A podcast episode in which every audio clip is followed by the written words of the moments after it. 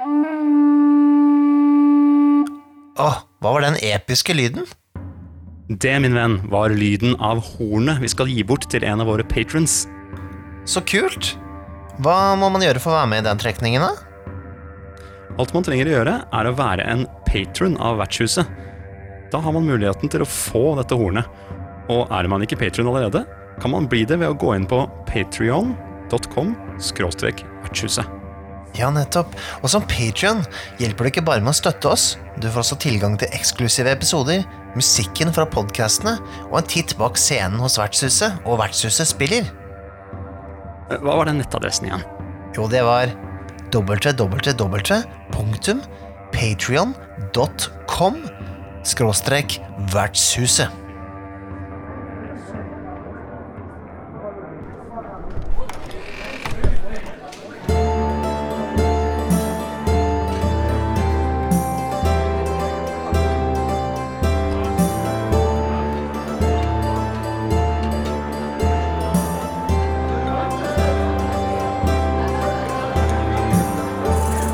Men jeg, jeg er litt nysgjerrig på en ting, for du, du har jo, vi har jo vært på en måte innom mange ganger at du, du, du lever av å uh, være spilleder, eller Ja. lede spill. Mm, ja. Uh, og uh, det er den eneste jobben du har, eller har du noe annet siden av? Nei, jeg er kunstner. Mm. Så, og så, jeg, så jeg, altså, eh, Nikolai, jeg har, tre, jeg har tre kunstneriske bein å stå på. Jeg er forteller, mm. og jeg er forfatter eller poet, og jeg er uh, spillskaper. That's it. Og Mm. Siden Fabla ble gitt ut, så har jeg hatt absolutt mest inntekter på spillskapingen eller på spilledingen. Mm, ja. Så siden jeg begynte på, ja, kan du si siden 2010, når de hadde bygd opp en kundebase som var stor nok på vinneren, nei, på Kjelsås, så har jeg hatt sånn mellom 400 og 500 000 i inntekt i året Ja. og, å lede rollespill. Fra Ja. 2011 så begynte jeg å kjøre sommerspillene også, og eh, fra 2012 så begynte det å gi meg inntekter. 2011 ga det ikke mer så særlig inntekter, for da jobba jeg livet av meg, og så hadde vi en overnattingsgreie som kosta forferdelig mye. Um, så jeg satt igjen med Jeg har jobba egentlig fulltid i et halvt år jeg, med det første sommerspillet, i tillegg til alt annet jeg gjorde, Mm. og satt igjen med 3000 kroner. Au.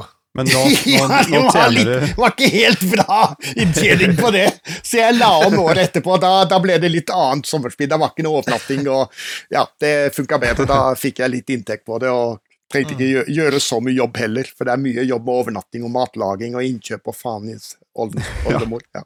nå, te, Men men nå tjener du til livets opphold på, på din lidenskap, rett og slett. Og Ja. jeg bare lurer på, så, Hvordan ser en vanlig tirsdag ut da, i ditt liv nå? En vanlig tirsdag. Eh, Nei, jeg står opp når jeg våkner. Og så kan jeg eksempel eh, lage et eh, en Jeg kan lage et rollespillscenario, eller jeg kan lage en liten setting. I dag så fant jeg, var det en fyr i en sånn kartgruppe på Facebook som posta et bilde av et sted i Italia som jeg ble litt inspirert av, så da lagde jeg Sitter og ser på den fila nå, for den ligger på, fremdeles ligger den på skrivebordet mitt. Eh, Da lagde jeg Herba, som er en, eh, en eh, lita bygd oppe i Pillarsinnet, som er et fjell på det sydlige kontinentet i fabelens. Og der er det noen folk som lever og har levd hele livet og har sin egen kultur der. De bor i Mhm. noen murhus med, mose, nei, med torvtak. Um, ja, så da gjør jeg det. Da gjorde jeg det i dag, liksom. Mm. Uh, Så det kan jeg like gjerne gjøre noe lignende i morgen, da, når det er tirsdag. Um, Mhm. Og så spiller jeg litt spill online eller på en annen måte. Går meg en tur, sitter ute på terrassen og koser meg. Jeg tar meg fri gjerne midt på dagen, eller jeg drar ned til en eller annen kaffebar og sitter der og leser og tegner litt. Liker å tegne, og det jo, går jo hånd i hånd med å være spilleder, fordi Mm. da kan jeg tegne karter til spillene mine. Jeg er ikke noen flink tegner, jeg bare, men det jeg duger til å tegne karter.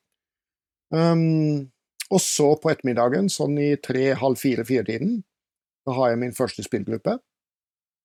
Mm. Uh, tirsdag, da er det 15.30. Og så spiller jeg i to timer, to timer et kvarter, sånn cirka. Mm. Så har jeg nå, under koronaen, så har jeg en times pause. fordi tidligere, når jeg spilte ned på Trikkan, så hadde jeg et kvarters pause mellom spillgruppene, men eh, det er faktisk mer slitsomt å spille online. Det, Ja, det, det, opplever det, opplever vi òg. Mm. Ja, det krever mer av deg som spilleder, og det gir litt mindre energi tilbake. Så jeg er mer utmatta etter hver, hver spilling eh, nå. Og med noen grupper er jeg ganske flat etter hver spilling. Um, Mm. for det er, det er veldig forskjellig på hvordan spillere tar det å spille online. Noen Mm. spillere trives ikke med det i det hele tatt og har bare slutta. Mm. Eh, noen spillere trives dårlig med det på en sånn måte, men de elsker rollespill, så de fortsetter å spille, men de, de, de, de strever. De strever rett og slett med å delta godt nok i, eh, i, eh, i interaksjonen. Og jeg strever med å få dem med. Og det Mm. er hard jobbing, altså. Skikkelig hard Det har du vanligvis ikke noe store problemer med, men jeg husker, så det Nei, ikke vanligvis. jo- Så det jeg har opplevd nå, er jo at spillere som har vært med meg i mange år, og som kjenner denne, denne formen veldig godt, de slokner litt på grunn av at vi spiller online. Og det er forferdelig trist å oppleve. Og, og vanskelig å gjøre noe med, fordi det har noe med deres forhold til denne litt sånn uh, avstanden i det menneskelige, da. mm. Som, som de rett og slett uh, på en eller annen måte er for emosjonelle til å, til å takle på en god måte. Og det Mm. har jeg opplevd altså det, det, Jeg sier det nå, altså jeg henger meg litt opp i det, fordi eh, jeg har en gruppe som jeg gjennom mange år har hatt fantastiske kampanjer med. Noe av det beste jeg noensinne har lagd, altså, fordi den gruppa har vært så fantastisk bra. Mm. Men dette har vært en gruppe hvor mange av medlemmene i gruppa har vært, hatt øh, sosial angst. Mm. Og så viser det seg nå, når vi har gått over på, uh, gått over på online-spilling, at den sosiale angsten den slår igjennom. Ja. De takler dårlig det. Ja. Og det syns jeg er veldig leit, fordi jeg vet at de har hatt så utrolig stor glede av rollespillet, og det har hatt så stor betydning for mange av dem, for flere av dem, får jeg si, eh, fordi det har gjort noe med deres angst i forhold til det sosiale. De har fått en veldig trygg setting hvor de har mora seg veldig med ut, en utvalgt gruppe mennesker, og det har gjort noe med deres forhold til egen angst og det sosiale og alt sammen. Det har vært utrolig fint for dem. Mm. Og det da å oppleve at de nå er litt sånn i retreat, altså at de, de er litt sånn at det At de strever. Det er forferdelig Mm. vondt, syns jeg. Det er, det er sånn, da sitter jeg på en måte på, en sånn, på første benk eller på første rad, da, observerer at ungdommer sliter med koronagreiene. Ja. Fordi Mm. de har dette i seg, at det ligger jo i dem, og det blir trigga av at vi bare er online, at vi ikke er ansikt til ansikt. Det er ikke trygt nok. Mm. Det er ikke trygt nok. De trenger den menneskelige nærheten for å fungere godt. Og det tror jeg det er mange ungdommer nå i, i denne tiden her som, som nok har ganske negative og triste opplevelser med det at dette fungerer ikke for dem. Dette, dette går bare ikke. Det er ikke bra nok. Det, det, det, det, det, det, de klarer ikke å da overstige sine egne indre begrensninger på en måte i forhold til det sosiale samspillet. Ja. jeg skjønner. Ja, og jeg tror mange, sikkert mange som har sett det, men du får jo se flere forskjellige grupper. Ja. Og hvordan de opptrer, så du, du på en måte Kanskje nesten uunngåelig at det akkurat du skulle se forskjellige reaksjoner på denne måten å spille på. Ja, det, det, det har overraska meg litt, og det har bare sånn, jeg har blitt klar over det litt etter litt ettersom dette har utvikla seg, og det har kommet mer og mer. Det er det Mm. som er greia. Altså, det, det, vi har jo drepa i god tid nå, med, med Mm. restriksjoner og greie ting. Og, og det har vært liksom til og fra med at jeg har kunnet spille rundt et bord, men med større avstand, og at jeg kun kunne spille online. Og nå av de siste tiden har det jo bare vært online. Mm. Og, og, og da ser jeg et helt tydelig eh, mønster blant mine deltakere. At de som har en eller annen sosial greie, for de er det vanskeligere. For de er dette tøft, altså. Mm. Det er eh, Når jeg vet altså Spesielt denne ene gruppa som jeg snakker om, som jeg har hatt så glitrende kampanje med før, Mm. Uh, hvor nettopp det at de har vært litt sårbare, har gitt energi inn i spillet. Mm. Fordi de har sett de tett sammen, og vi har klart å lage den tryggheten i gruppa, slik at det, det har blitt en trygg sånn setting for dem. da. Ja. Mm. Nettopp fordi, og det har skapt utrolig bra kampanjer. Eh, en kampanje som det bare Den står igjen blant dem som Håpkampanjen. Det var der det begynte, liksom. Det var bare helt en enestående kampanje som handla om noen flykt, indre flyktninger i et land som levde midt ute i skogen og bygde opp et slags samfunn der etter hvert som det kom flere og flere folk som var skadeskutt av det forferdelige onde regimet. Uh, og så skapte de da etter hvert bygda Håp. Og den mm. kampanjen ble så sterk, og det var så mye relasjonsspill. Og det var midt i blinken for dem, og de bare stortrivdes i det. Og det snak, de snakka håp, og de har snakka håp i mange år etterpå. Mm. Uh, og så det da å se at denne gruppa som hadde så glitrende, fantastiske spillinger Vi hadde også blant annet en kampanje for et par år siden uh, hvor de spilte munker og nonner i Håndens uh, kirke. Og hvor de da mm. gjennom kveilen, en slags tidsreisegreie uh, i fabelens verden, ble kasta tilbake til profetens dager og fikk oppleve å møte profeten som femåring og tar seg av han og bli hans apostler. Og så skrev de Det nye testamentet. De skrev Det nye testamentet i en spilling. Vi hadde en spilling hvor jentene lagde Det kvinnes testament, og guttene hadde da en annen spilling hvor de lagde Guttenes testamente. Og så ble det, og så kom de tilbake til sin egen tid, og så fant de guttenes testamente, men ikke kvinnes testamente, for det var bare menn som styrte i kirka.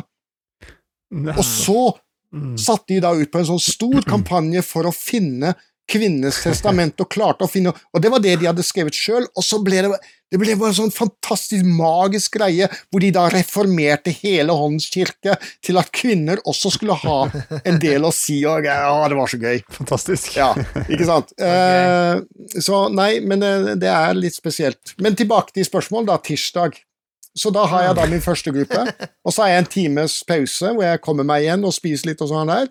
Og så har jeg da en gruppe til fra skal vi se, 1530 til 1730, og så har jeg da en gruppe fra 1830 til 2030. Så ja. sånn rundt halv ni-ni, da er jeg ferdig på tirsdagen. Mm. Da har jeg kjørt to grupper, og begge de to gruppene holder på med skyggekampanjen i Kaval nå. Hvor, da, hvor jeg da Jeg spiller med dem på Discord, uten video. Mm. Kun, uh, kun lyd. Kun stemme. Og chat. Uh, bruker chatten ganske aktivt til å poste karter og alt mulig annet. Uh, I utgangspunktet så har de ganske mange av de uh, hovedkartene, sånn at de kan ha de ved siden av seg på pulten. Mm. Og så har de rollearkene hos seg. og så sender jeg dem personlige meldinger, og det er da istedenfor lapper, ikke sant. Mm. Og så har jeg begynt å bruke det redskapet ganske aktivt, slik at de får ganske mye sånne innspill, sånn personlige innspill da, som handler om det som skjer i i, eh, i eh, interaksjonen. Dette tror jeg mange spilledere drømmer om, Thomas, å ha, å ha, dagen til å forberede spillet som skal skje på kvelden. Ja. ja. ja. Men det er, det er, faktisk, Nikolai, det er faktisk sjelden at jeg bruker dagen til å forberede spill på kvelden. Ja. Uh, for det første så kjører jeg sandbox. For det andre så uh, Min forberedelse til spillinger handler mye mer om at jeg en halvtime eller et kvarter før spillingen går inn i en eller annen modus mm. og renser meg selv for spillet. Gjør meg klar mentalt eller emosjonelt for spillet. Mm. Slik at når jeg kommer inn i spillingen, så er jeg veldig åpen for det som skal skje, og så bare, går jeg bare inn i flyt. Du er på den, ja. Det handler mye mer om det. Ja. Mm. Å være på, rett og slett. Mm, det, er litt sånn, eh, ja, det er sikkert mange som drømmer om å, å drive med det profesjonelt, og jeg, jeg har jo sett også ja at det er mange som syns det er litt fy å ta seg betalt for å spille det, og sånne ting. Mm. Men um, er det sånn Er det så eh, luksuriøst og glamorøst som du sier det, eller Er det hender at du, at du tenker at å, dette ble litt mye Dette er litt mye å holde på med, holdt jeg på å si. Sånn, jeg ser at det henger masse sånne gull, gulltallerkener bak deg der, og nydelige smykker på veggene som du har ervervet deg fra jeg hadde spilledningen. Hva, hva, hva faen? det er ikke noe gulltallerken, bare. Det er et svart-hvitt-bilde av Manhattan, New York. Eh, jeg har ikke fått noen gulltallerkener, akkurat. Jeg har fått en utmerkelse fra Hyperion, og den satte jeg veldig pris på. Mm. Eh, det var Enhjørningens orden av første klasse. Det var utrolig kult. Den deler jeg med Jon Bing. Oi, det er gøy. Eh, det var, det var sterkt å få. Det er den eneste utmerkelsen jeg har fått av noe slag i forhold til dette. her. Um, ja, Mikael um, Jeg I fjor, når koronaen starta opp, mm. da leste jeg litt om koronaen og skjønte at dette kommer til å ta tid. Ja. Uh, Så jeg kan ikke bare slippe gruppene mine, og så skal det ta to år før vi kommer i gang igjen. For det første så vil jeg ikke da tjene noen penger, og for det andre så vil jo de sitte igjen og bare savne det og føle at jeg har svikta dem. Mm. Um, Så da gikk jeg ut på nettet og begynte å undersøke, og sjekka ut Roll20 og alt mulig annet, liksom Zoom og greier ting. Og så endte jeg da med å bruke Discord, og jeg kjørte da Jeg tok da kopier av alt, kart, alt kartmaterialet som gjaldt for eh, det årets eh, kampanjer.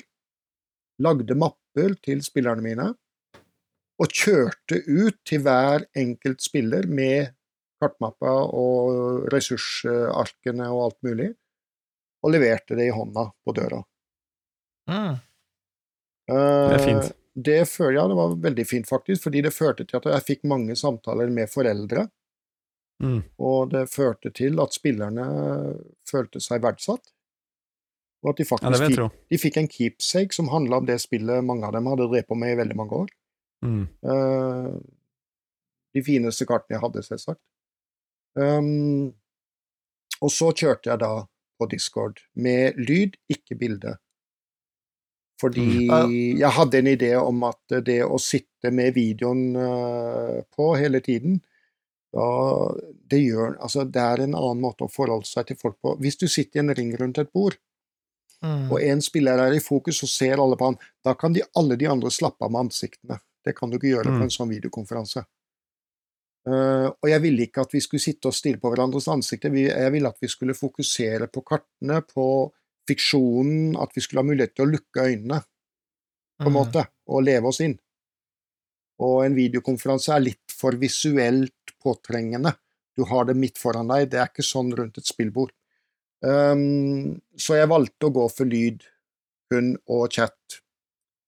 Og det har vist seg å ha fungert veldig bra. Men Og det fungerte veldig bra i fjor vår. Men så starta jeg opp igjen i høst. Og da kjente jeg på ganske snart at oi, det har krevd litt denne våren som har vært nå med korona. Så jeg kjente at oi, dette var tungt. Mm. Utrolig tungt å skulle gå inn i en ny, ny sånn sesong, da, med, med online-spilling. Og så ble det litt sånn rundt bordet, men med lang avstand, noe som ikke er så veldig bra for min metode, for min metode handler ikke bare om å skifte rytme, det handler også om å skifte stemmeleie fra veldig lavt til veldig høyt. Mm. Uh, og det handler om fysisk fremtredende, hvordan du fysisk forholder deg til spillerne. Og hvis spilleren din sitter ti meter unna, så er det vanskelig å få til en slags fysisk uh, uh, påvirkning, da. Mm. Ja. Eh, så jeg kjente på at dette ble veldig tungt. Og når jeg kom ut i november, var det vel, da holdt jeg rett og slett å gå på trynet. Jeg holdt på å møte veggen. Fordi det var så Mm. tungt. Mm. Og det er jo ikke fordi jeg ikke elsker jobben min, for det gjør jeg virkelig. Altså, jeg har jo fått denne jobben i fanget nærmest som en tilfeldighet, og, og utrolig takknemlig for det. Det lar meg leve et liv som er borte for alt jeg kunne tenke meg for ikke så veldig mange år siden. Um, Mm. Eller når jeg var yngre, da. Um, men da det å komme ut i november og kjenne på at dette er tungt dette, nå, nå, nå er jeg helt sånn skjelven. Jeg har ikke lyst til å sette meg ned foran skjermen. Jeg, sånn, jeg får litt sånn kvalmefornemmelse og greier ting. Og, og så måtte jeg bare si til spillerne mine at denne uka her blir det ikke noe spilling. Mm. Jeg kunne ikke tillate meg selv å bare tvinge meg selv til å gå videre, for da visste jeg at da kommer jeg bare til å gå fullstendig på trynet. Og jeg har litt respekt for det, for jeg har venner som har gått på trynet, vir- virkelig møtt veggen. Og en kamerat av meg har drevet på i tolv år med ettervirkningen av det, hvor han, han er sykemeldt ennå. Um, Mm. Så det er noe jeg tar på alvor. Altså, du, du, kan, du kan virkelig kjøre deg selv så fullstendig tom.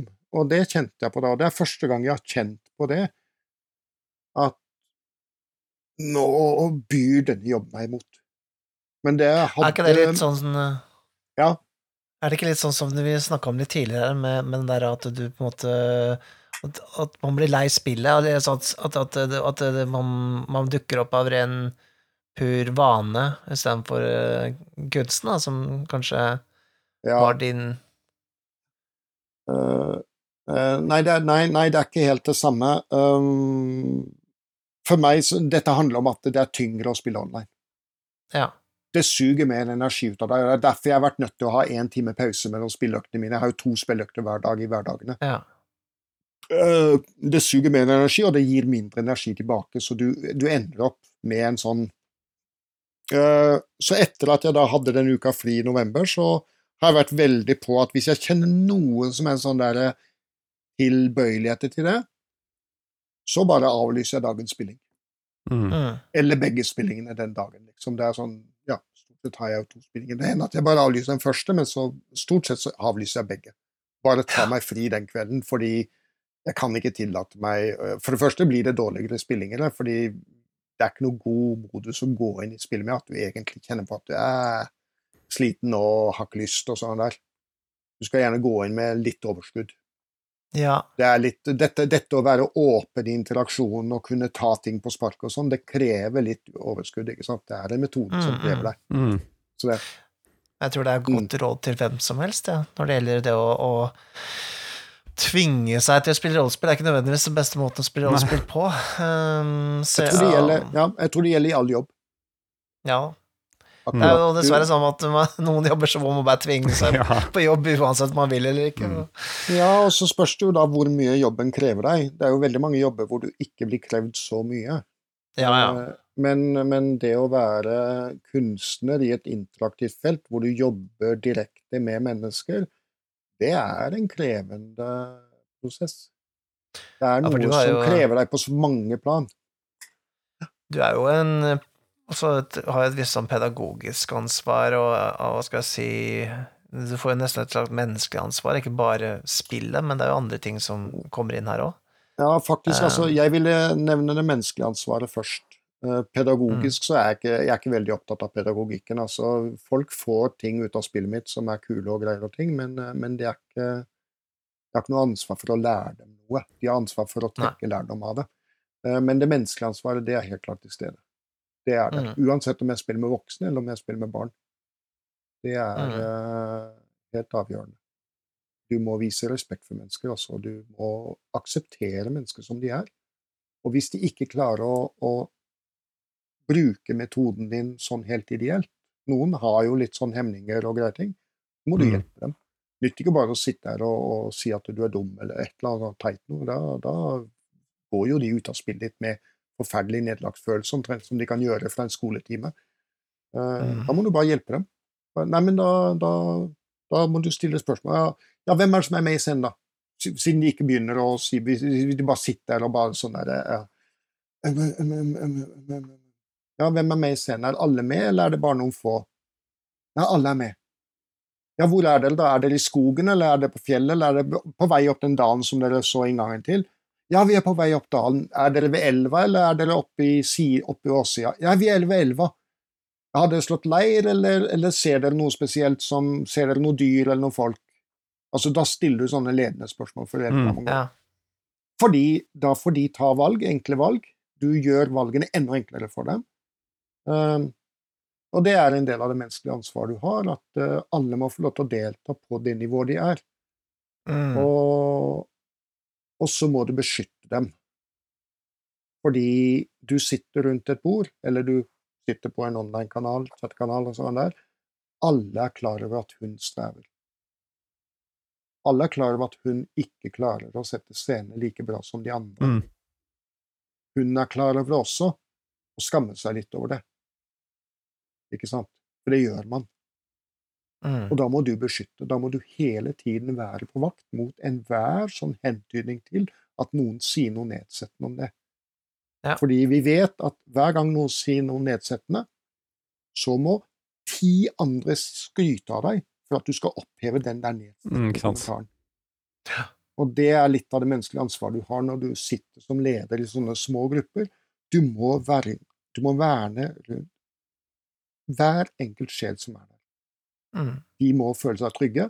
Og hvis noen prøver å skape noe sånn negativiteter negativitet der, så må du slå ned på det med hard hånd. Da er jeg knallhard. Umiddelbart. Altså, det, der, der er ingen nåde. Hvis folk ytrer seg negativt om andres innspill i spillet, eller noe sånt der, så er det bare sånn med en gang. Det har du ingenting med. Det er hun som setter scenen. Skal vi begynne å kritisere dine scener? Det får vi ikke lov til å gjøre her. Ok? Mm. Og så sier han ingenting, og da bare Ok, spurte jeg. Ja, ja, greit. Fint. Da fortsetter vi.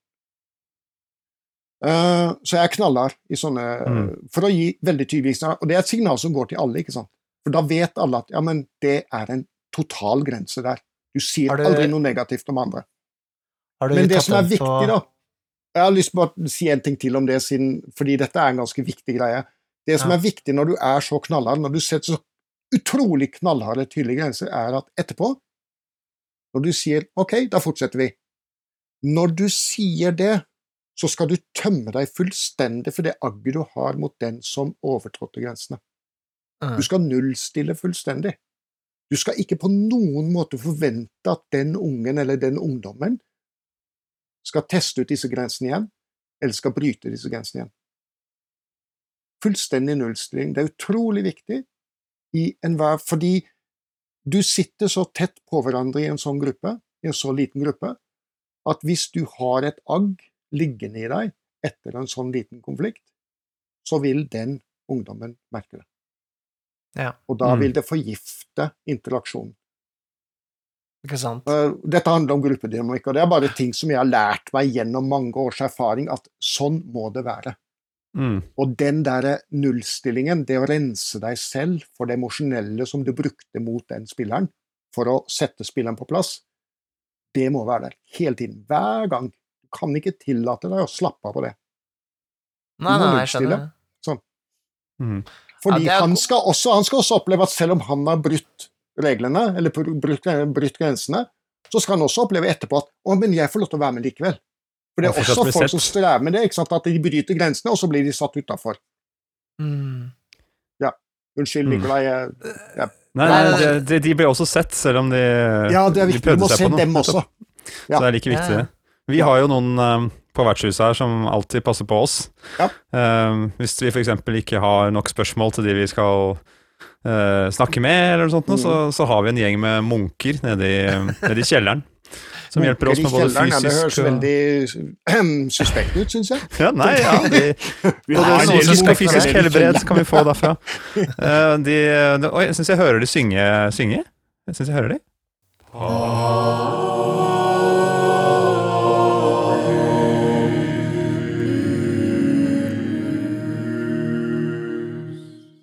Ja, her kommer de jo jammen meg med, med tre papyrusruller. Papyrus fra Patrion, står det her. Oi. Oi, det er spørsmål fra folk som Papyrus, som ja. følger oss Så det er papyrus, papyrus, ikke pergament, altså. Ja, det er papyrusruller, det her, altså. Det er, slett, ja. det er det de Ja, kaller det. papyrus er jo det sprøeste og dårligste. Pergament er mye bedre. Og vellum, ikke si det som det munkene hører fineste det. perga- Nei, okay, greit. Jeg lager det sjøl, skjønner du. De sitter jo, sitter jo dag etter dag og lager dette. Å, nei, å, nei, å, nei. å, Oi, Nede i nå må en vi ta en kjeller av alle ting. Må her nede i kjelleren sitter munkene og lager papyrer som ikke er verdt det det du skriver ah, Nei, nei, nei, så trist. Hei, de har vin der nede òg, så det går bra. Ja, ja, ja, Og de har vin, ja. Å ja, ja, da er jo alt greit. Ja, ja, Men jeg kan jo rulle ut den første papyrusrullen her. Skal Ja. vi se, her står det. Ja, de har, de har brakt oss noen eh, spørsmål fra en Patrion her som heter Carlotto. Eh, han skulle hilse hilse også, står det. Ja, ja, da får vi hilse til munken Carlotto, da. Ja. Jeg vet ikke om han er blant munkene, han er kanskje en av de som munkene burde passe seg for, tror jeg. Men oh, ja, oh, Eh, han ja, skriver i hvert fall, tror eh, ja. okay. hvordan går arbeidet med utvidelsen, skråtrekk oppfølgeren til Fabula? Det går utmerket, Karl Otto. Jeg har, uh, Før jul så skrev jeg den første romanen i utgivelsesplanen. Den skrev jeg på to måneder, så det er jeg ganske stolt av. Hei. Eh, Nå i våre skal jeg skrive den andre romanen. Eh, Jeg har skrevet halve, men må begynne på nytt fordi jeg må gjøre et grep der, og fordi eh, jeg ble veldig tatt av at jeg skulle kjøpe et hus, lage et kollektiv og flytte. Til sommeren, så sant jeg ikke skal gjøre noe med huset, og det tror jeg ikke jeg skal gjøre, det nye huset altså, Mhm. så skal jeg skrive enten spilleboka eller lederboka til Fabla. Mhm. Til høsten skal jeg da spille den Skal jeg da skrive enten spilleboka eller lederboka til Fabla, avhengig av hva jeg skrev i sommer. Nettopp. Uh, og så til neste år så skal utgivelsesprosessen begynne. Utgivelsesprosessen er eh, planlagt i tre år. Første året skal jeg da gi ut spilleboka, leddboka og en av de tre hovedsettingene, samt romanen som hører til den hovedsettingen. Det blir sannsynligvis Rand, som er et røverrike uten styre. Um, andre året skal jeg gi ut uh, den andre hovedsettingen pluss romanen som hører til den hovedsettingen, og det blir sannsynligvis Kavallen, som er en high fantasy-setting. Er det det? Uh, Mhm. ja. Uh, Rand er en gritty fantasy. Ok. Ja, ja, og jeg skjønner. skjønner. Tredje året skal jeg da gi ut den uh, tredje hovedsettingen, som er Moria. Som er et demonstyrt rike. Det er dark fantasy. Og jeg skal da også gi ut den tredje romanen, som hører til Moria. Så her er jo planen klare, Planen er Carlotto. eh, klare, Carlotto, og jeg gleder meg til å høre hva du syns om det når det kommer ut. Jeg håper Mm. du skal bli veldig, veldig positivt overraska. Det er bra. vi har fått, jeg ser det er lange, det er lange papyrusruller her, så vi, vi tar det litt sånn kjapt, ja, kjapt og gæli her, Kjør eh, Ja, jeg har altfor lange svar, jeg beklager, altså. Nei, det er bra, det. Eh, hvis du skulle lagd et helt nytt spill, altså helt fra bunnen av, med erfaringen og kunnskapen du har i dag, hvordan ville dette spillet sett ut? Hmm. Det er et helt utenkelig tanke. Eh, I hvert fall hvis ideen er å lage noe lignende fabla, eller noe som er i den sjangeren. Nei, det Mm. kommer aldri til å skje. Det er eh, fabla Der går all min kunnskap og erfaring går inn i fablene, og har gjort det i veldig mange år. Men jeg har jo lagd over 120 forskjellige rollespill. Eh, De fleste av dem er av mer moderne type, hvor du ikke har spilleder. Mm. Um, så jeg tror Jeg tror jeg ville ha brukt tiden min og kreftene mine på noe, å lage noe à la Livets høst, som var et rollespill jeg lagde for en god del år siden. Mm, Mikael var en av de som var med å testspille det spillet første gangen, stemmer det. og han kan kanskje fortelle hvordan han opplevde det. Ja, det var en veldig vemodig eh, opplevelse. når Man spilte da gamle mennesker som, eh, som var en sånn vennegjeng, da, hvor en og en av oss døde. Hvor vi samles i begravelser og, og den slags, da. For eh, det var vel hvert år så var det en eller annen som døde. Mm. Ja, det var litt da- forskjellige år mellom hvert dødsfall, men Ja. hver eneste scene i spillet er begravelsen til en av rollene. Mm, Mm. Mm. og Og så ender det opp. Ja. Du kan jo si hva det, hvordan du syns det var, bare. Ja, jeg husker at jeg, at jeg syns det var en, eh, en veldig Altså, for det første, det var, det, var, det, var, det var trist, men også var det også en veldig sånn Hva skal jeg si, en um, Det ga meg også en ganske sånn fin ro, på, og en kanskje litt sånn um, En følelse at det å dø ikke nødvendigvis er så grusomt som man kanskje forestiller seg. Så det var en veldig så fin eh, fin uh, lek rundt det, da. Uh, en av de mest alvorlige spillingene jeg har hatt i, i rollespill. Mm. Uh, og det hele var jo da hjemme hos Thomas med, med mat til, og, og det var en veldig sånn lun og fin stemning, da. Snitter. Det var ikke snitter. det burde vært snitter. Det er veldig sjelden at jeg serverer snitter, Nikolai, men uh, hvis vi noensinne spiller Nikolai, skal jeg gjøre mitt beste for å ha snitter klare. Ja, tror det var- til jeg dette tror det var lapskaus. passer det bra. Ja, det var nok lapskaus, det er det vanligste. Sånn god, nærlig mat, vet du. Det er bra. Mm. Jeg, husker- jeg, jeg, jeg, syns, jeg syns det var veldig kult å ha deg med, Mikael, og det syns jeg med de andre også som var med der, for det var jo garva rollespillere som da Mm. ga en kveld til å teste ut dette helt nye spillet. Og så Mm. husker jeg at du var litt urolig av spillet når vi var ferdig, så når jeg spurte dere etterpå om dere hadde noen kommentarer til spillet, så ba du meg vente til du hadde landa litt. Og det tok vel en uke eller halvannen, tror jeg, før du kom tilbake til meg og kunne si om Mm. spillet. Og det, det at du sa det og tok deg tid til å lande det, det satte jeg veldig pris på, for det fortalte meg jo litt om at dette spillet hadde nådd inn, da. Så, Mm. så til det, tilbake til det spørsmålet, da, så er det Jeg ville like å lage sånne små spill som når Mm. inn på en eller annen måte. Mm. Det er vel det jeg ønsker å gjøre alltid, og det ønsker jeg også å gjøre med fabler. ikke sant? Jeg merker å skape stemninger og følelser er en, en rød tråd her. Ja, Det er det. Mm. Definitivt. Jeg tror jeg du Mikkel. har svart på en måte vært innom svaret på et, eh, hans Carl Otto sitt siste spørsmål også. Jeg tror Ja. vi skal slenge papyrus nummer én i ilden, fordi spørsmålene har blitt stilt, og da trenger ikke vi høre de igjen. Nei, Og heller plukke opp papyrus nummer to. bortkasta Det brenner godt, da. papyrus. Brenn, brenn! Uff, sa det. Bort Ja. var det med det. Eh, da har vi Odd Helge, er det som har stilt spørsmål her. Hei, Odd Helge. Kommer bøkene du har skrevet ut som lydbøker, lest av deg selv noen gang? Eller lest, lest inn av deg. Mhm. Ja, eh, jeg skjønte spørsmålet, Mikael. Takk skal du ha. det er bra. um, ja, det vet jeg ikke. Jeg har faktisk vært inne på tanken siste året. Mm. Uh, og faktisk i går var jeg inne på tanken. Fordi jeg har et dikt liggende på 88 vers. Og det Jeg så en video i går, en musikkvideo som var veldig enkel. Og da slo det meg at kanskje skal jeg lage en, en diktvideo. Hvor jeg leser inn og, og lager en slags film, da. Som er knytta til dette diktet, som hvor jeg leser dikt og har et publikum som egentlig bare har som oppgave å reagere på diktet. Vi får se. Mm. Vi får se. Jeg tror ikke jeg kommer til å lese inn rollespill og fabler, for det er jo en metodebok som egner seg dårlig til innlesing. Så det. Ja. Ja. Ikke sant. Uh, den siste papyrus, hvor ble det av den, da? Uh, ah, Mikael, der, du har den jo, du. Ser jeg. Ja, ja, her er den. Eh, Det er fra Mikael Esperum. Han kjenner du kanskje Mikael Estrum, han, eh, han har jeg hørt om, ja. Jeg lurer på om han har vært med på sommerspill noen ganger, og, som spilleder, faktisk. Og han har vært med på noen av disse før omtalte ville metodeforsøkene på Arkon, liksom. Så jo, han er, en, han er en gammel kjenning. Hei, Mikael. Hyggelig at du ser at du også sender noe, men måtte du sende på papyrus da, Mikael?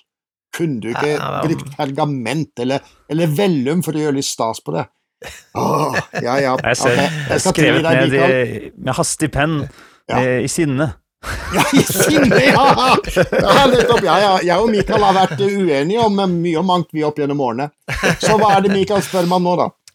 Jeg lurer om veldig mye, skjønner du. Uh, skal vi se, har du noe god råd for å være spilleder om man har en tung kveld, er sliten eller rett og slett bare litt ute av det? Det føles jo litt ut som vi kan gå litt tilbake på det der vi har snakka om tidligere her, men Ja. har du noen gode Eh, råd for å komme ut av det? Ja, eh, ehm, Se Ringenes herre sammen med spillklubben- nei, spillgruppa di. Yeah. Mm. Eller, eller, eller, eh, eller ta fram giljotin og spill det istedenfor. Altså, ikke bruke opp energien din når du ikke egentlig har den. Gi opp, ikke gi opp, Mikael! Gi opp, Mikael! ja, ikke, brenn, ikke brenn reservene. Jeg husker, er jeg, husker, jeg jeg. husker en gang jeg satt og venta i åtte timer med, spill, med en spillgruppe for å, på spillederen vår, og så kom spillederen, og han var veldig sliten, og så spilte vi en halvtime, og da hadde han sovna to ganger, og da fant vi på å gå på kino. Mm. Det var en klok avgjørelse.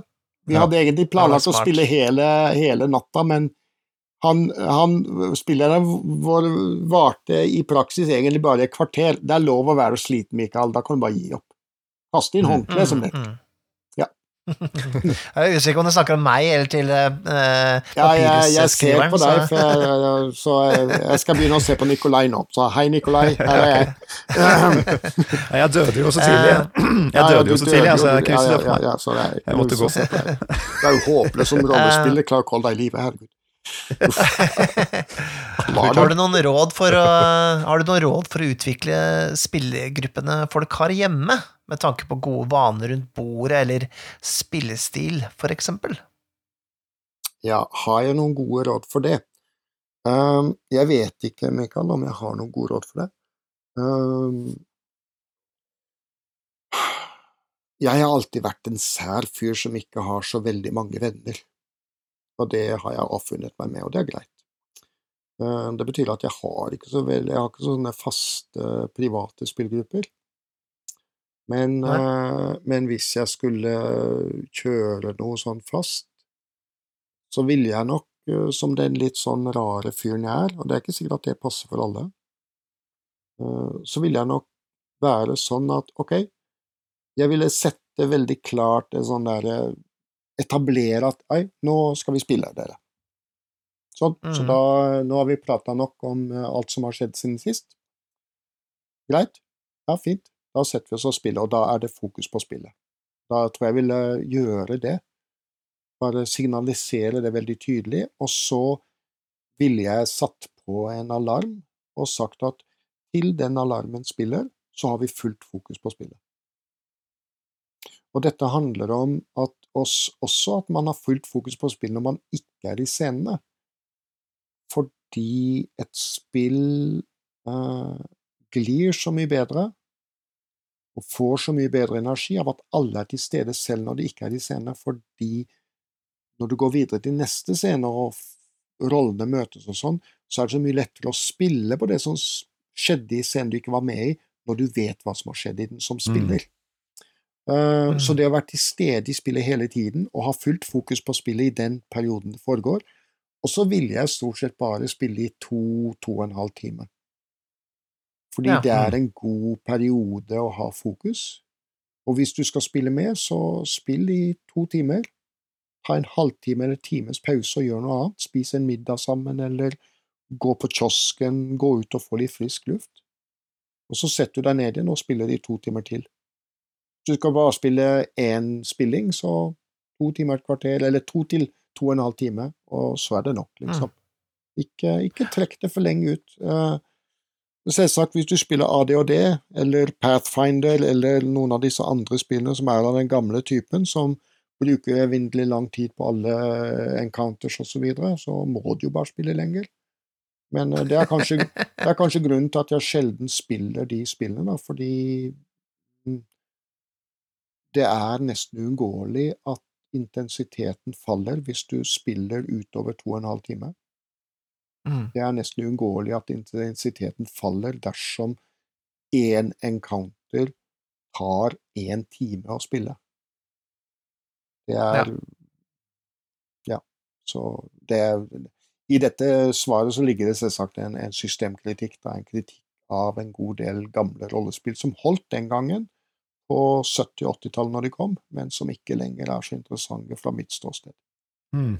Ja. Forstår, forstår. Men det er kommet ja, det så mange bra spill som, som gjør dette mye mer effektivt og kult, og i det hele tatt så Der har man jo så mye å Mm. velge mellom. Trenger Mm, ikke ta er jo Fabla, man kan ta hva som helst. Men når Fabla kommer, da må man ta det. Det er helt å Ja, ja, det er bare sånn. det. Ja, fikk jeg sagt det òg. Um, ja, ja, det er, er jo viktig å plugge, som det heter. Mm. Um, og Mikael lurer litt på om du kan fortelle litt om Fabula-prosjektene på kongresser. Nå har du jo nevnt Idioten, Ja. og, men han nevner eksempler som Eburanja Januse, Kremmerspillet, Blodspor i snøen, ja. med store turneringer og nye måter å organisere spill på. Ja, og jeg blir så glad av å høre disse titlene. ja, han huska dem, vet du. Han huska dem. Ja, det er det, og så bringer det opp minner. Å, gud a meg. Å. Eburanja slash dunk. Nei, svisjdunk, svisjdunk, svisjdunkregelen i Eburanja. Og det husker jeg faktisk fra, Ah. bare fra reklame for Arkon det året. Ja, det, eh, det var utrolig kult. Uh, rollene er studenter på hekseskolen i Eburanja. Og inne på uh, studieområdet så er Svartskogen. Og det blir fortalt til spillerne, aka rollene, at Svartskogen går man ikke inn i. Det, man bare forsvinner. Skyggetårnet ligger der inne, og skyggemanerne holder til der. Og Svartskogen er full av ting som du ikke rår med, så ikke gå inn der. Og selvsagt må noen spillere gå inn der, må jo gå over broa over elva og inn i Svartskogen. Og da er alle spillere informert om regelen, og den er sånn svisjdunk! Og så tar du rollearket til spilleren. Du bare sier svisjdunk høyt, sånn fort, brått, brått og brutalt, og så tar du rollearket til spilleren og river det i stykker eller kaster på gulvet. Så bare gir du han en ny rolle. Og så sitter spilleren der, og ja, men hva skjedde? Ja, det er det ingen som vet, for det var ingen eh, som kom ut derifra. Og så bare fortsetter du, du bare ignorerer spillerens totale sånn jam, jam, jam, jam. Så bare fortsetter du å sette scener. Ja, det er dagen etterpå det kom en ny elev, og så bare tvinger du spilleren til å spille en ny elev, da, som, sånn der. Det var utrolig gøy. Utrolig gøy. Ja, ja, ja. En annen ting var i en, I en av disse greiene så kjørte vi Nei, nei, nei, nei det er tilbake i tiden. Det var noe helt annet. Uh, det var Ebberanja. Blodspor i snøen. Eh, Det var vel uh, krigsscenario, det. Tredelt krigsscenario hvor um, Jeg hadde gjennom mange år en, uh, en diskusjon gående ved Jon Benbakken, min venn den gangen, og en utmerket, virkelig en utmerket spilleder. Han var min faste spilleder i James Bond, og fy faen for en greie, altså. Det, det var så gøy. Eh, dessverre så fikk han en kjæreste som hata rollespill, så han måtte gi seg. Han var en sosial, han var en sosial uh, tøffel. Det må jeg bare si. Han var en fantastisk spilleder og en sosial tøffel. Trist. Eh, hvis du hører på Jon Vennbakken, hvis du sniker deg til å høre på dette her, sånn inni et kott et eller annet sted, så vit at jeg husker deg og fremdeles er glad i deg. Um, men eh, jeg og Jon Vennbakken hadde i veldig mange år diskutert vold og krig og kamp i rollespill. Mm. Og var skjønt enige om at slik det fungerte i de gamle klassiske rollespillene, som var de som var enerådende på den tiden, dette er 80-tallet, Mm. um, så var det forvandla til en tennismatch som var totalt uinteressant og urealistisk og Ja, det var vel oppsummeringen vår. Eh, Mm. Så noen år seinere så hadde jeg opplevd at denne diskusjonen kom opp igjen og igjen, og jeg sto jo på midten og sånn der, og folk liksom var Ja, men det går ikke an å gjøre på en annen måte, og ja, men terningen gir spenning, og bla, bla, bla. Sånn der. Og så på et eller annet punkt ut på 90-tallet så fant jeg ut at nei, nå er det nok. Nå er det nok med å diskutere dette her. Hvis jeg vil at jeg skal gjøre det på en annen måte, så må jeg gjøre det på en annen måte.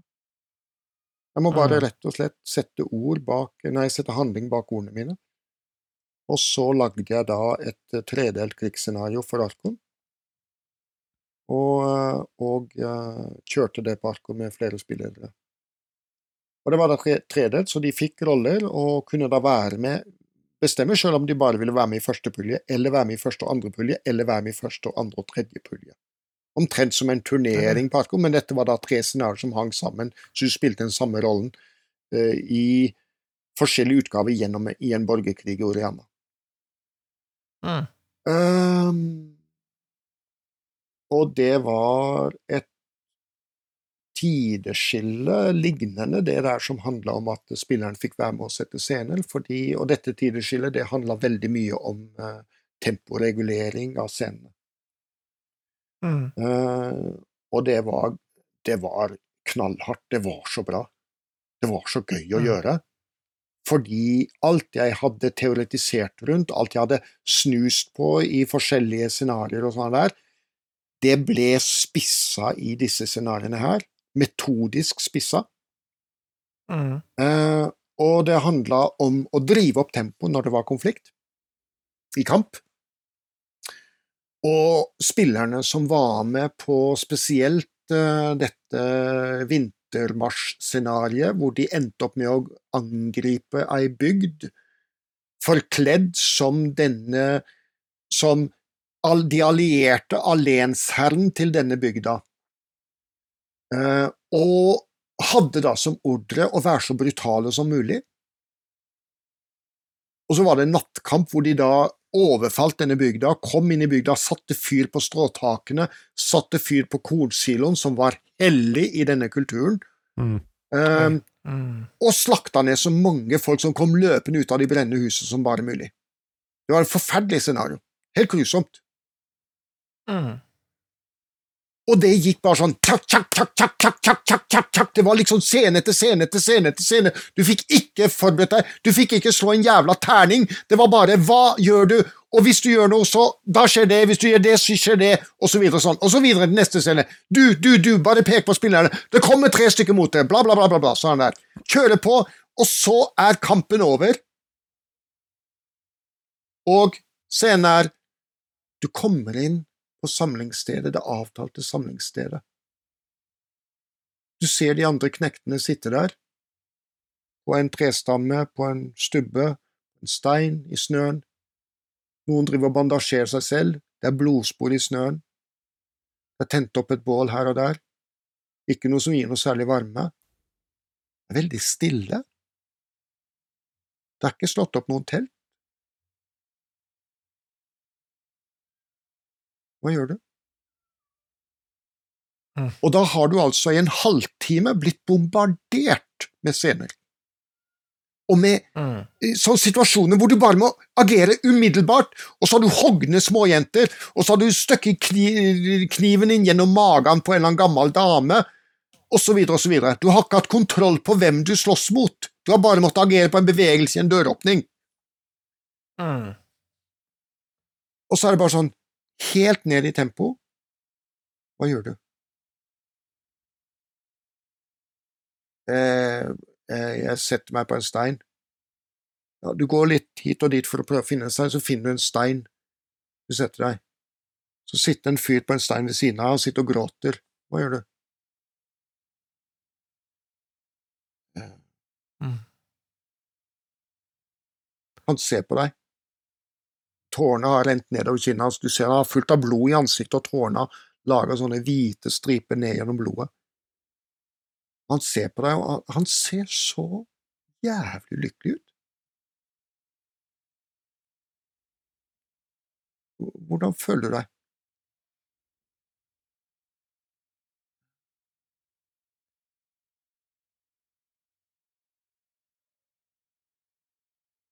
Du kommer inn i leiren, og så henvender jeg meg, bare til en annen spiller, tar det helt ned, og så, litt seinere, en ny scene. Da er det rollene som sitter rundt et lite, bleikt bål i snøen, spiser litt. Det er ikke noe særlig smak på maten. Den er kald. Og Det er som om munnen din ikke lenger tar inn smak, det er et eller annet som har skjedd. Dere ser på hverandre, og så begynner dere å snakke sammen. Vær så god. Um, det vi gjorde der da metodisk var, vi kjørte opp tempoet. altså Før vi kom til den der eh, kampscenen i bygda, så var det også en del andre scener som la grunnlag for dette. Blant annet at de møtte en gammel dame med ei lita jente i skogen som drev og sank ved, og det var viktig at ingen så dem marsjere gjennom skogen, så rollene ble sendt ut for å ta de og drepe dem. Mm. Ordre om å drepe det? Ja. Eh, Så kommer de inn, og så kjører vi opp tempoet noe voldsomt. Det var helt absurd høyt tempo, hvor spillerne rett og slett var da i en sånn situasjon som soldater har beskrevet når de eksempel går inn i en bosetning i Afghanistan eller Libanon, Mm. hvor de ikke Mm. har oversikt og ikke kontroll, og det står om livet deres fordi de vet at det er fiender i nærheten. Mm. Og hvis du ikke reagerer på den som kommer rundt hjørnet der, så kan det være han som skyter deg. Mm. Og så blæster du hodet på en gutt. Og så blir det Mm. med deg hjem. Så vi kjørte da et voldsomt tempo der hvor spillerne var i en sånn modus. Og så tok vi det helt ned, rett etterpå. Du er tilbake på samlingspunktet. Slaget er over. Dere har vunnet. Bygda står der borte og brenner. Og du kommer Mm. inn i leiren, og folk sitter der og bandasjerer seg og er stille. Og det er helt stille. Og går mellom folk, og de ser oppå deg, og de ser slitne ut, og de ser ulykkelige ut. Du finner en stein å sitte på. De tar det helt ned. Beskriver litt sånn. Hva gjør du? Jeg finner fram litt mat. mm, fint, send over. Så videre. Og så, så der har vi da konfliktscene, og så har vi etterspill. Det er så Altså, vi Mm. oppdaga en sånn en sånn, en sånn skatt med de scenene hvor de kom ut av kampen, og så tok vi tempoet helt ned, fordi i det å ta tempoet helt ned, det spillerne gjør da, i hodet sitt Litt sånn prodda av de der visuelle clouene de får i beskrivelsen med kamerater, våpenfeller, som sitter og bandasjerer seg selv og ser ulykkelige ut og blør og greier ting. Mm. er at de går gjennom hva som har skjedd. For de har ikke fått tid til å tenke over hva som har skjedd.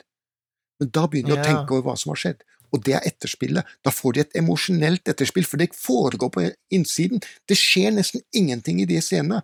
Det er sånn Kanskje kommer det bare sånn øh, For han vet ikke hva han skal si, og så er scenen over. For det er Mm. greit. Det ville ikke denne personen visst om han var i den situasjonen. Han ville ikke visst hvordan han skulle behandle det at kameraten hans sitter der og har blod i ansiktet, og det er hvite streker etter tårene hans. Eller han tar fram maten sin. Ja, greit, det er din måte å håndtere det, bare spiser litt, liksom. Scenen over. Mm. Trenger ikke mer. Mm. Og så var det en annen ting som også kom. Så marsjerte de hjem til sin egen bygd. De hadde vært og brent og drept og ødelagt ei bygd, og så kom de hjem til sin egen bygd. Å, der ser du kornsiloen. Du vet hvor viktig den er, det er jo finnbullvinter hvert sjette til tolvte år, så da må dere ha mat i kornsiloen, ellers overlever Mm. dere ikke. Mm. Å, der ser du lillebroren din komme løpende mot deg rundt hjørnet. Og jeg bruker den scenen mot han, spilleren, fordi han skjøt en gutt som kom løpende rundt hjørnet. Og du får sånn posttraumatisk stressgreie, ikke sant? Og så Mm. har du Mm. disse som kommer og klapper deg på skulderen. «Øh, 'Dere vant, hørte jeg! Så bra! Du er en skikkelig helt!' Og det Ja. står så grell kontrast til det han har gjort. Han har bare myrda sivilister. Det har nesten ikke vært noen væpna folk i den kampen, i, blant fiendene, eller Nei, fiendene. Um, når vi kom ut av den, eh, de spillingene der, så var spillerne ganske sjokkskada. Det kan jeg skjønne. De har syntes det var brukt, det eh, verste de hadde vært med på, og det var en som sa det til meg, rett og slett. Kom og sa til meg dette er det verste rollespillet jeg noensinne har vært med på, og det beste. Den syntes jeg var ganske kul. Mm. Men eh, det det handler om da, var å, å ta denne metoden, altså det, de metodiske spirene jeg hadde hatt gjennom flere år, ta det som jeg og Jon Vennbakken hadde diskutert i så mange år, og ta det jeg hadde stått for i så mange år i diskusjoner på nettet og ansikt til ansikt med folk på spillfestivaler og i forumer og i paneler og greier ting. Og så bare sette meg ned og gjøre et arbeid med det og skape da tre scenarioer som tok krigen på alvor i forskjellige stadier.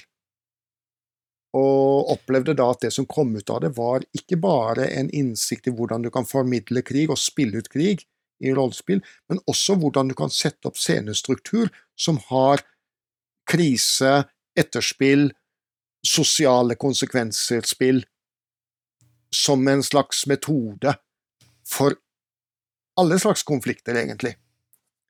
Eh, Mm. det var en fantastisk opplevelse. Jeg er veldig glad for at Mikael spurte om akkurat det. Mm. Så bra. Ja, får vi jo Jeg- får vi eksempler på metoden. Da. Altså, vi får jo eh, Ja. på en måte nesten oppleve det, um, hvordan spillet foregår. Du har, vi merker jo volum og temposkifte tydelig bare i måten du forteller om spillingen på. Ja, jeg prøver å bruke inntrykk. stemma mi omtrent som jeg gjør det i spillingen, ikke sant. Ja, Takk skal du ha. Men det er Det kult, er, kult at det eh, formidles. gode grep. Og, det er jo litt sånn, vi, vi hadde jo en episode vi går tilbake til det nok en gang, om algorier i rollespill, eller bruke algorier. Ja. Og her har vi jo et godt eksempel hvordan du rett og slett kan bruke fantasirollespill til å fortelle om hvordan det er å være sjokkskadet av krig. Eh, Ja. Palestinakrig, eller hva enn det skal være. eh, Altså, du, du, man, lærer, man kan lære noe da gjennom rollespillet. Og belyse et tema. Ja, altså, jeg har jo aldri vært i krigen. Jeg har ikke vært i førstegangstjeneste engang. Men jeg har lest veldig mye om krig, og jeg har lest veldig mye om krigsveteraners opplevelser og hvordan deres eh, posttraumer, altså etter krigen-traumer, har utspilt seg i deres hverdagsliv. Hvor fremmedgjorte de Mm. kan oppleve å være. Hvor vanskelig det er å håndtere at du på samfunnets vegne har tatt på deg å være en ond drapsmann. Mm. Det er ikke noen lett oppgave, altså. Det er en helt forferdelig oppgave, så, så det er ikke noe rart at Det er heller ikke noe rart at dette er et tema som opptar oss, og som Altså volden som tema, krigen som tema, kampen som tema, er en gjenganger i all uh, sånn actionfilm osv. Så Mm. Fordi dette Mm. det, det, det handler egentlig om vårt forhold til døden. Uh, Ja, ja. Og hva den gjør med oss, og hvordan den på en måte setter i gang noen ting i oss. Eh, så det har alltid opptatt meg. Eh, og så gjorde jeg da dette her som en, et forsøk på å foredle litt grann av den, de innsiktene jeg hadde lest meg til. Mm. Um, ja, om krigens vesen og det å være en soldat i dette her, da. Og samtidig være et menneske som blir på en måte noe annet. Du, du går ut av rollen som soldat når du forlater kampen, og så er du da i en rolle som menneske, men soldaten blir med deg inn i det. Mm. Så blir det Mm. vanskelig, på en måte. Og så hadde vi noen Det, det var sånne der eh, hjemkomstscenene. Dette som handler om det sosiale etterspillet. Mm. Eh, Da har vi da for eksempel altså da, da- da blir jo de scenene satt for å vise en bredde, og det er litt sånn derre Når du spiller rollespill, så er du i din rolle, men du er også publikum til de andres rolle. Mm. Slik at når når én rolle kommer hjem og opplever at de andre omfavner ham som en helt, og det oppleves som helt feil, så er det en scene som alle er et publikum til. Mm. Den ene spilleren får på en måte spille ut scenen og får være på innsiden av scenen, eller på innsiden av det som skjer. Men så er det neste scene, da, det er en annen rolle som kommer hjem til sin, og der sitter far. Og han er krigsveteran. Og han ser opp på sønnen sin. Å, kom og sett deg. Setter du deg? Sett meg.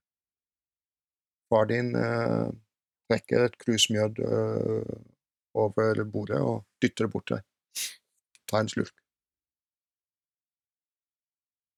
Tar du en slurk? Når du setter ned kruset, så ser du at faren din sitter der bare og ser på deg. Jeg har vært der du er. Jeg vet at du er veldig lite stolt nå. Jeg vet hva ordren din var. Å brenne den bygda. Jeg er helt uenig i den måten å føre krig på. Og jeg kan tenke meg at det du har opplevd når dere gjorde det nattangrepet, er ganske grusomt. Jeg vil at du skal vite at jeg vet, og jeg kjenner det i meg, at du bærer på noe nå som er stort og mørkt og fælt. Hvis du trenger noen til å stå foran deg og forsvare deg mot de andre, eller trenger noen å støtte deg på, eller bare noen som sitter her og deler et krus med deg, så er jeg her. Faren din. Uansett hva du har gjort, du skal aldri måtte skamme deg overfor meg. Og det blir også noe som de andre eller publikum til. Mm. Uh, og hvor spilleren sitter der og får en slags 'nå blir jeg sett i det jeg har gjort'-følelse. Mm. Og får kjenne på hvordan det virker så vanvittig sterkt. Skjønner dere? Altså dette Mm. å sette opp Mm. disse scenene hvor um, du må tillate deg som spilleder noen ganger å la spilleren være minimalistisk i hvordan spilleren svarer, Ja. fordi det hører til situasjonen. Mm. Det passer. Ikke sant? Det passer, ikke sant? Mm. Ja, nettopp. Helt riktig, Nikolai. Det passer. Og det er noe med å skjønne at ikke alle scener skal utspilles på samme måte. Ikke alle scener skal ha like mye interaksjon. Ikke alle scener skal ha like mye deltakelse fra spilleren. Av og til er det nok at spilleren sier Eller bare sitter og nikker. Altså, jeg har hatt Ja. nydelige scener hvor to spillere har sittet i scener og ikke sagt et eneste ord, og så er scenen over. Og det er bare sånn, etterpå så ser du hele bordet bare sånn Ja, det var riktig. Mm. Mm. Og så magisk riktig. De sa ingenting, de bare satt der. Og bare sånn, Ja, ja. og det var sånn, alle visste hva dette handla om. Ja, for en energi. Ja! Og det er noe å ta det på alvor, da, og skjønne at i forskjellige sånne relasjoner og situasjoner og greie ting, så er det forskjellige regler som gjelder for hva som er riktig, hva som passer, som du sa, Nikolai. Mm. Jeg vet jeg og Nikolai lever jo for disse øyeblikkene her. Altså, du, du tvinger kanskje dem eh, ganske hardt fram i lyset, da, med metodene dine, men, men når vi har spilt kampanjer og sånne ting, Ja. så er det fortsatt disse sånne, sånne intense Det trenger ikke være intense scener engang. Det kan bare være noen ganger hvor det rett og slett bare skinner litt ekstra, da. Ja. Hvor man Du bare tar det med deg. ja, hvor du kommer inn i rollen din plutselig. Du er veldig inn i rollen din, og så Mm. opplever du at den Mm. andre er det også, spiller mot rollen din. Og så er det en eller annen flyt der, og det kan handle om intensitet, det kan handle om en total ro eller harmoni i greia. Altså, det kan jo være en Mm. hvilken som helst menneskelig tilstand, og det vil ha forskjellige kvaliteter, men dette at man er inne i rollene, og, og oppleve det som er kjernen i rollespill, nemlig denne magien, at du, du plutselig er du et annet sted. Ja, og ingen tenkte på eh, om du kunne legge til en bonus på neste kast. Ja, ikke sant. Det er, Nei. Ja. Men det det, er her var, det her var jo Ja. på en måte eh, en annen form for ti kjappe, får jeg si. Kanskje det, jeg vet ikke. Ja, det, Vi har vært innom, vi har vært det- innom eh, Du har svart på andre spørsmål ved å svare Ja. slik på det spørsmålet her, da, Thomas. mm, Ja, Men eh, vi kan jo ta et par, et par eh, litt mer rapid fire. Som, Ja, rapid fire. Som kulene fra de da skal jeg gi korte svar, da. Skal skyte tilbake like rapid. Ok. da skal vi se, jeg løser det over skulderen din Mikael. Gjør det, du. Kommer romanse noen gang tilbake i en eller annen form? Romanse at lever romanse- fremdeles. Romanse er palmiske riker i fablenes verden. Ja, skjønner. Ja. Mm. Det lever. Det kommer. Det må det komme. kommer. Det er godt å høre. Mm. Og så Det ryktes at du holder rollespillkurs. Kan du fortelle litt om det? Ja, det gjør jeg. Men uh, Mm. nå under koronaen så har jeg ikke holdt noen. Men Nei. det kommer. Kommer det også? Ja. La oss komme tilbake til normalt. Da skal jeg holde kurs. Jeg er så glad i å holde kurs. Det er gøy. Utrolig kult. Og det er Føler jo eh, en del folk får et litt sånn gratis eh, spillederkurs og hører på den podkasten Ja, her, faen òg. Jeg undergraver sies. min egen business. Helvetes Ja, drit, altså. det. Det har lurt meg. Jeg vil, ha bet jeg vil ha betalt, jeg vil ha et eller annet. Kake. Jeg vil ha kake. Sånn. Det er for seint da. Ja, for seint! Ja. Ok, fortsett, Nikolai. Men, eh, men eh, jeg skal egentlig, nå er jeg egentlig klar for å sende disse munkene tilbake til, okay, ja. tilbake til kjelleren. Men, Ja, la jeg oss bli er litt skeptisk til den, jeg er litt skeptisk til den ene munken. Den ene munken der, altså. Et eller annet feil med den ene munken der. Er du ikke enig, Mikael? Jo, det er, det er noe Det snodig. er sånn, de- den munken der hadde jo på seg en mye mørkere kappe enn de andre munkene. Ja, nettopp. Og, og det stikker ut Er det noe uh, grufullt eh, tjafs ut av kutta der? Mm. Kan det være Kan det Tror være? det kan være Kan det være?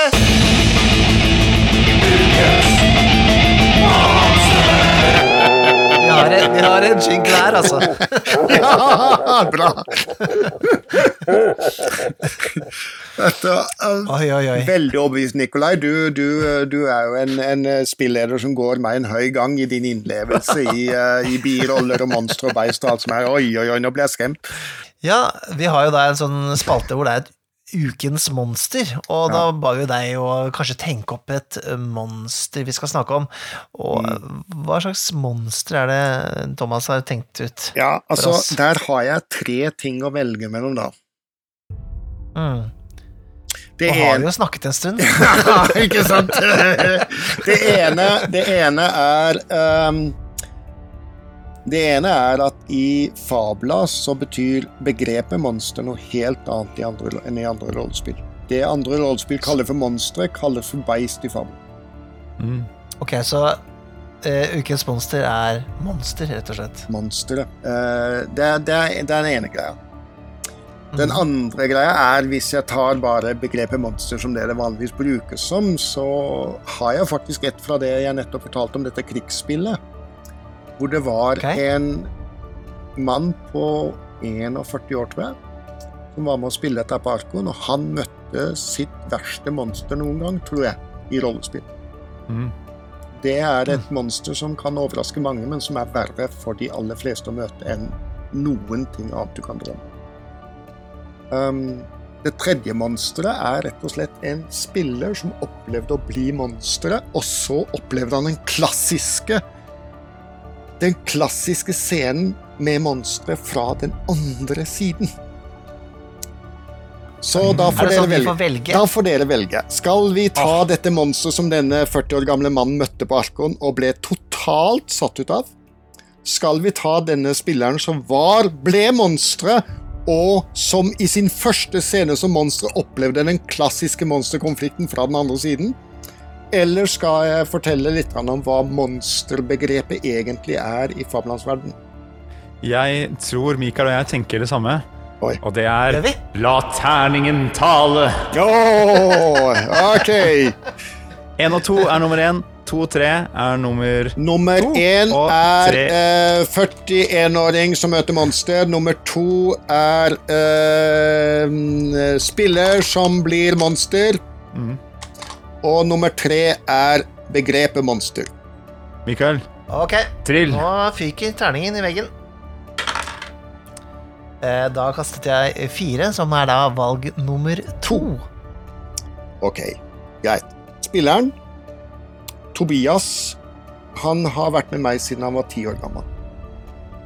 Nå er han 21 og er, har vært spilleder på sommerspillet. Gått flere av mine lederkurs. Veldig engasjert og kul og ja, i det hele tatt en eh, herlig type å ha med seg. For noen år siden så opplevde Tobias sin store, våte drøm. Tobias er nemlig en sånn der Han er en powergamer, altså. Det er ikke til å skjule under noe som helst. Han er en powergamer. Han vil ha de tøffe, heftige rollene. Og han opplevde sin våte drøm. Han ble Han ble en drage. Oh. Tobias var bare helt sånn der For jeg kunne se på Tobias. altså Han hadde betalt meg, eller foreldrene hans hadde betalt meg tusenvis av kroner for at han skulle være med og spille i mange år. Og dette ene øyeblikket hvor han ble en drage, det var verdt alle de pengene aleine. Altså, bare glem all, alle andre spillinger. Han har bare storkost seg i alle spillinger osv. Men dette ene øyeblikket, jeg bare så det på han. Eh, Det var bare tusen lys. Han var et juletre på innsiden. Han var helt sånn Drage! Jeg er dragen!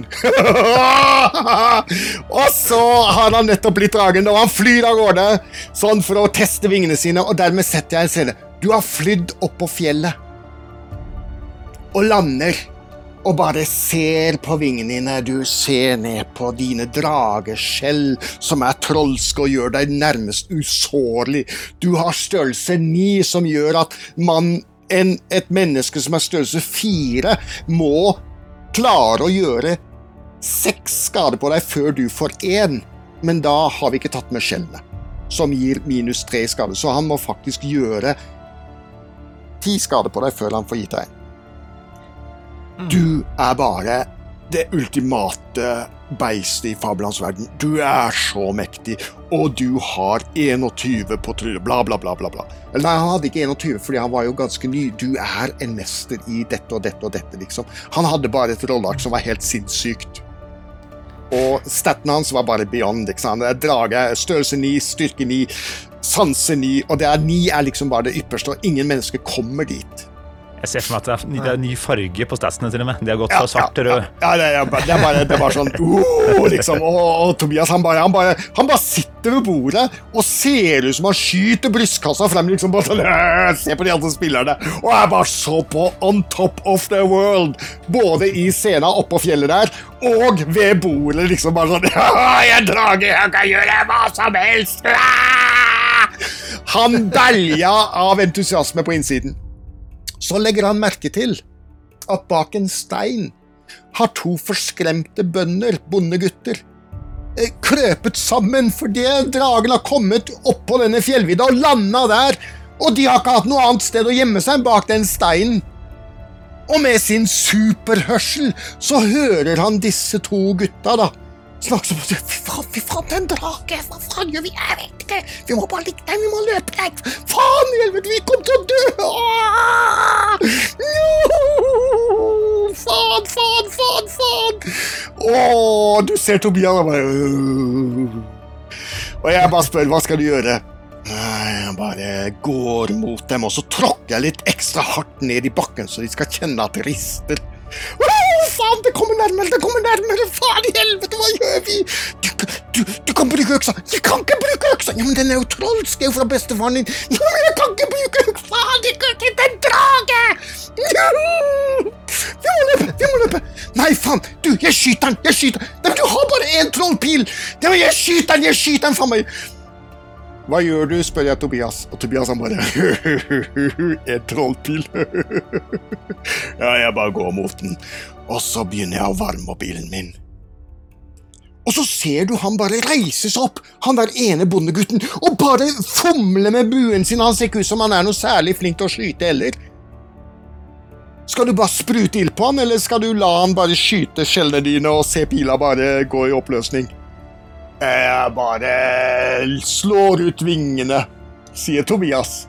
Og så skyter han der gutten, da. Og så slår jeg for gutten, rød terningen. Her er den, vet du. Den røde terningen som bare spillerne kan ha. Ingen spiller kan bruke rød terning. Hvis du bruker rød terning som spiller, nei, som spiller i Fabla, da får du helt uunngåelig én på alle terningkast. Og én er forferdelig dårlig. Det er katastrofe i Fabla. Mens 20 derimot 20 der, 20. Det er fantastisk bra. Så jeg ruller terningen for den lille bondegutten som har én trollsk pil. Og hva slår jeg? Jo, jeg slår 20. wow! Stakkars Tobias. Men det er ikke nok! Nei, ok. Det er ikke nok! Så jeg må rulle en gang til. Og så ruller jeg en gang til, og så slår jeg 20 på nytt. Ser Tobias dette skje? Ja, han ser terningen. Jeg spiller åpne terningen. Det er, det er en lekse å lære her. Så da, da Men han er jo lynrask og alt det der, så han slår jo da for å bare slå den pilen ut av lufta. Og hva ruller Mm. Tobias? Jo, han ruller én. Så istedenfor å slå pilen ut av lufta, så blottlegger han det ene lille svake punktet han har under vingen. Så pilen går inn og går gjennom og gjør satans vondt og lammer han litt. Så han detter sammen. Og Tobias beboer han bare han dette, Tobias ved bordet detter fysisk sammen, sånn type han krymper nærmest ved bordet. Hva skjer, da? Hva skjer, da? sier Tobias litt sånn der «Åh, vantro til hva er dette her for noe? Hvordan kan det lille, ekle vesen der klare å skyte meg? Jeg er jo en drage, hva skjer? Og da stormer han andre unggutten frem med bestefars øks.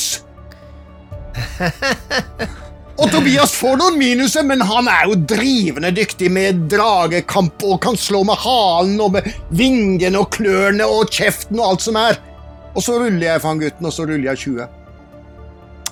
Og så ruller det- Tobias 1.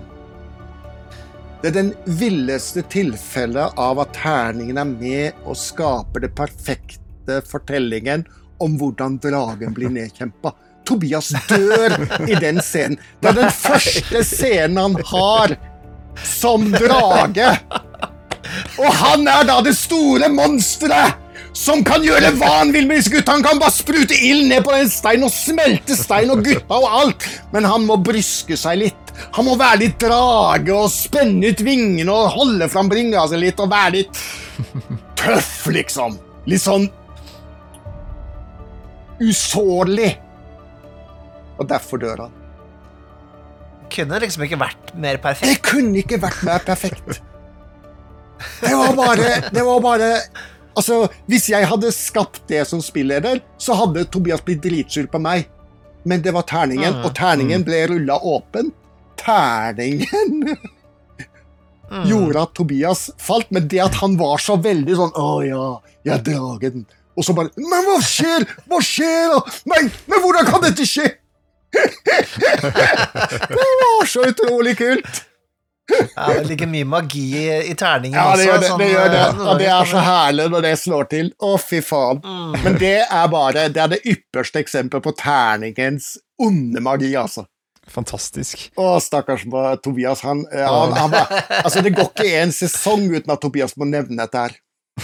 Ja, han har fått en historie for livet, da. Så Ja, ja, ja, ja, ja. det hadde ikke vært like gøy hvis han hadde brent ned alle landsbyene. Nei, altså, det er jo eh, det er en unik historie Tobias har å fortelle om det å være drage og møte på noen sånne der, eh, stakkarslige fillefranser som prøver å angripe. Som ble noen legender etter dette her, da. Så Det må jeg si. Det er ikke rart at Tobias nå lever et liv som Munch og lager uh, ussel papyrus nede i kjelleren her på Ja, ja, ja, det gjør han helt sikkert. Altså, det, er, det er nødt til å være sånn. Ja, mm, det er det. Ja, Ja, vet du, Det har vært en veldig fin eh, prat med deg, Thomas. Takk i like måte. Jeg syns vi har fått uh, høre veldig mye spennende om, uh, om deg og ditt virke. Takk. Eh, Og jeg forstår at eh, du, i, du hviler ikke på laurbærene. Her er det mer uh, greier i emning. Ja da, det er det. Um, Det er et, det er et livsprosjekt, det å drive med Fabla. Det er det. Jeg kommer ikke til å slutte med det. -hmm. Det er bare sånn det er. Ja, og takk for at du har delt på en måte eh, måten du eh, spilleder på, eh, litt med Mm. oss. Og på en måte, du, du tar jo opp eh, tema som eh, jeg selv også brenner for. Det der å, å få intensiteten på bordet når det er Ja. eh, kamp, og Mm. at det ikke skal gå saktere, men heller gå fortere. Det, Ja. det sitter jeg igjen med som en sånn eh, eh, en, et godt punkt etter denne, Mm. etter denne praten her. Ja, og jeg håper, du, Ja, jeg også- håper du også- også tar med deg ned, Nikolai, at når du klarer å få til den intensiteten i kamp, det da å ta ned rytmen etterpå, det skaper en helt egen form for intensitet, det også, og det er veldig kult. Altså. Det, det er en gullgruve. Det er en gullgruve. For da får du egentlig kampen på ny inni spillerne. Og det Mm. er så Mm. utrolig heftig å se på. Altså, de lager nesten ikke en lyd, men de går gjennom kampen, og ah, ja. Det er veldig kult at du trekker det fram. Og kult at det kan være til inspirasjon. Jeg vil eh, trekke fram at eh, det, jeg, det jeg tenker på, er at eh, man skal være litt mer modig som spilleder. Mm. Prøve å pus, pushe grensen lite grann. Ja. Vi har vært litt innom dette før, men du på en måte satt enda mer ord på metoder og, og, og måter som, som for meg kan ved første sånn ørekast, hva man kaller det, Ja. høres eh, ganske ekstremt ut, men jeg tror med en, en gruppe som, som er trygg og, og, og velger å pushe seg selv litt igjen, Mm. syns det er spennende, så er slike metoder egentlig bare noe som skaper magi, da. Ja. Istedenfor å sitte og bare rulle terninger, altså som man Mm. Jeg tror at hvis du pusher deg selv, så vil spillerne følge etter, for de vil, de vil skjønne at nå trår du ut der isen er usikker. Og det vil Ja, de, de vil sette pris på det offeret, på en måte, for det, fra din side, som leder. Og så vil de følge opp. mm, Det er jo noe med at vi Ja, eh, Jeg tror kanskje der ligger det en eller annen sånn omsorg i bunnen som vi mennesker har for, for hverandre, siden vi er sosiale vesener. Slik at hvis du går ut der isen er usikker, eller går utafor komfortsonen, så vil andre følge deg for å hjelpe deg, på en måte. Og det er en kraft som virker i små grupper spesielt, og som derfor kan nyttiggjøres i, i rollespill. Det kan gjøre at du så lenge du vet det, så kan du tillate deg å være modigere enn du kanskje vanligvis er. Fordi du kan faktisk stole på at spilleren vil komme og ro deg i land, på en måte. Mm. Det er fint, det er fint å ha med seg. Ha med seg i sekken. Det var en, eh, var en veldig god sløyfe for eh, kveldens eh, prat. Eh, nå må vi komme oss tilbake til vår verden. Eh, Ja. Vi hører en sånn svak sånn harpsikordlyd fra, fra vertshuset vårt i vår verden der i fjerne. Hører ikke du det også, Nikolai? Jeg hø hører det så vidt. Eh, er det sånn at vi bare holder Hvis alle vi tre holder i Fabula-boka samtidig, Ja. så blir vi sendt videre? I, i Fabelans verden så heter ikke Fabla-boka Fabla-boka. Å nei. Den heter en av, den har to navn. Enten heter den bare Fabula, eller så heter den bare Boka. Fordi det fins ingen andre bøker i Fabelans verden. Alt annet er skriftruller. Den eneste boka som finnes, er nettopp den.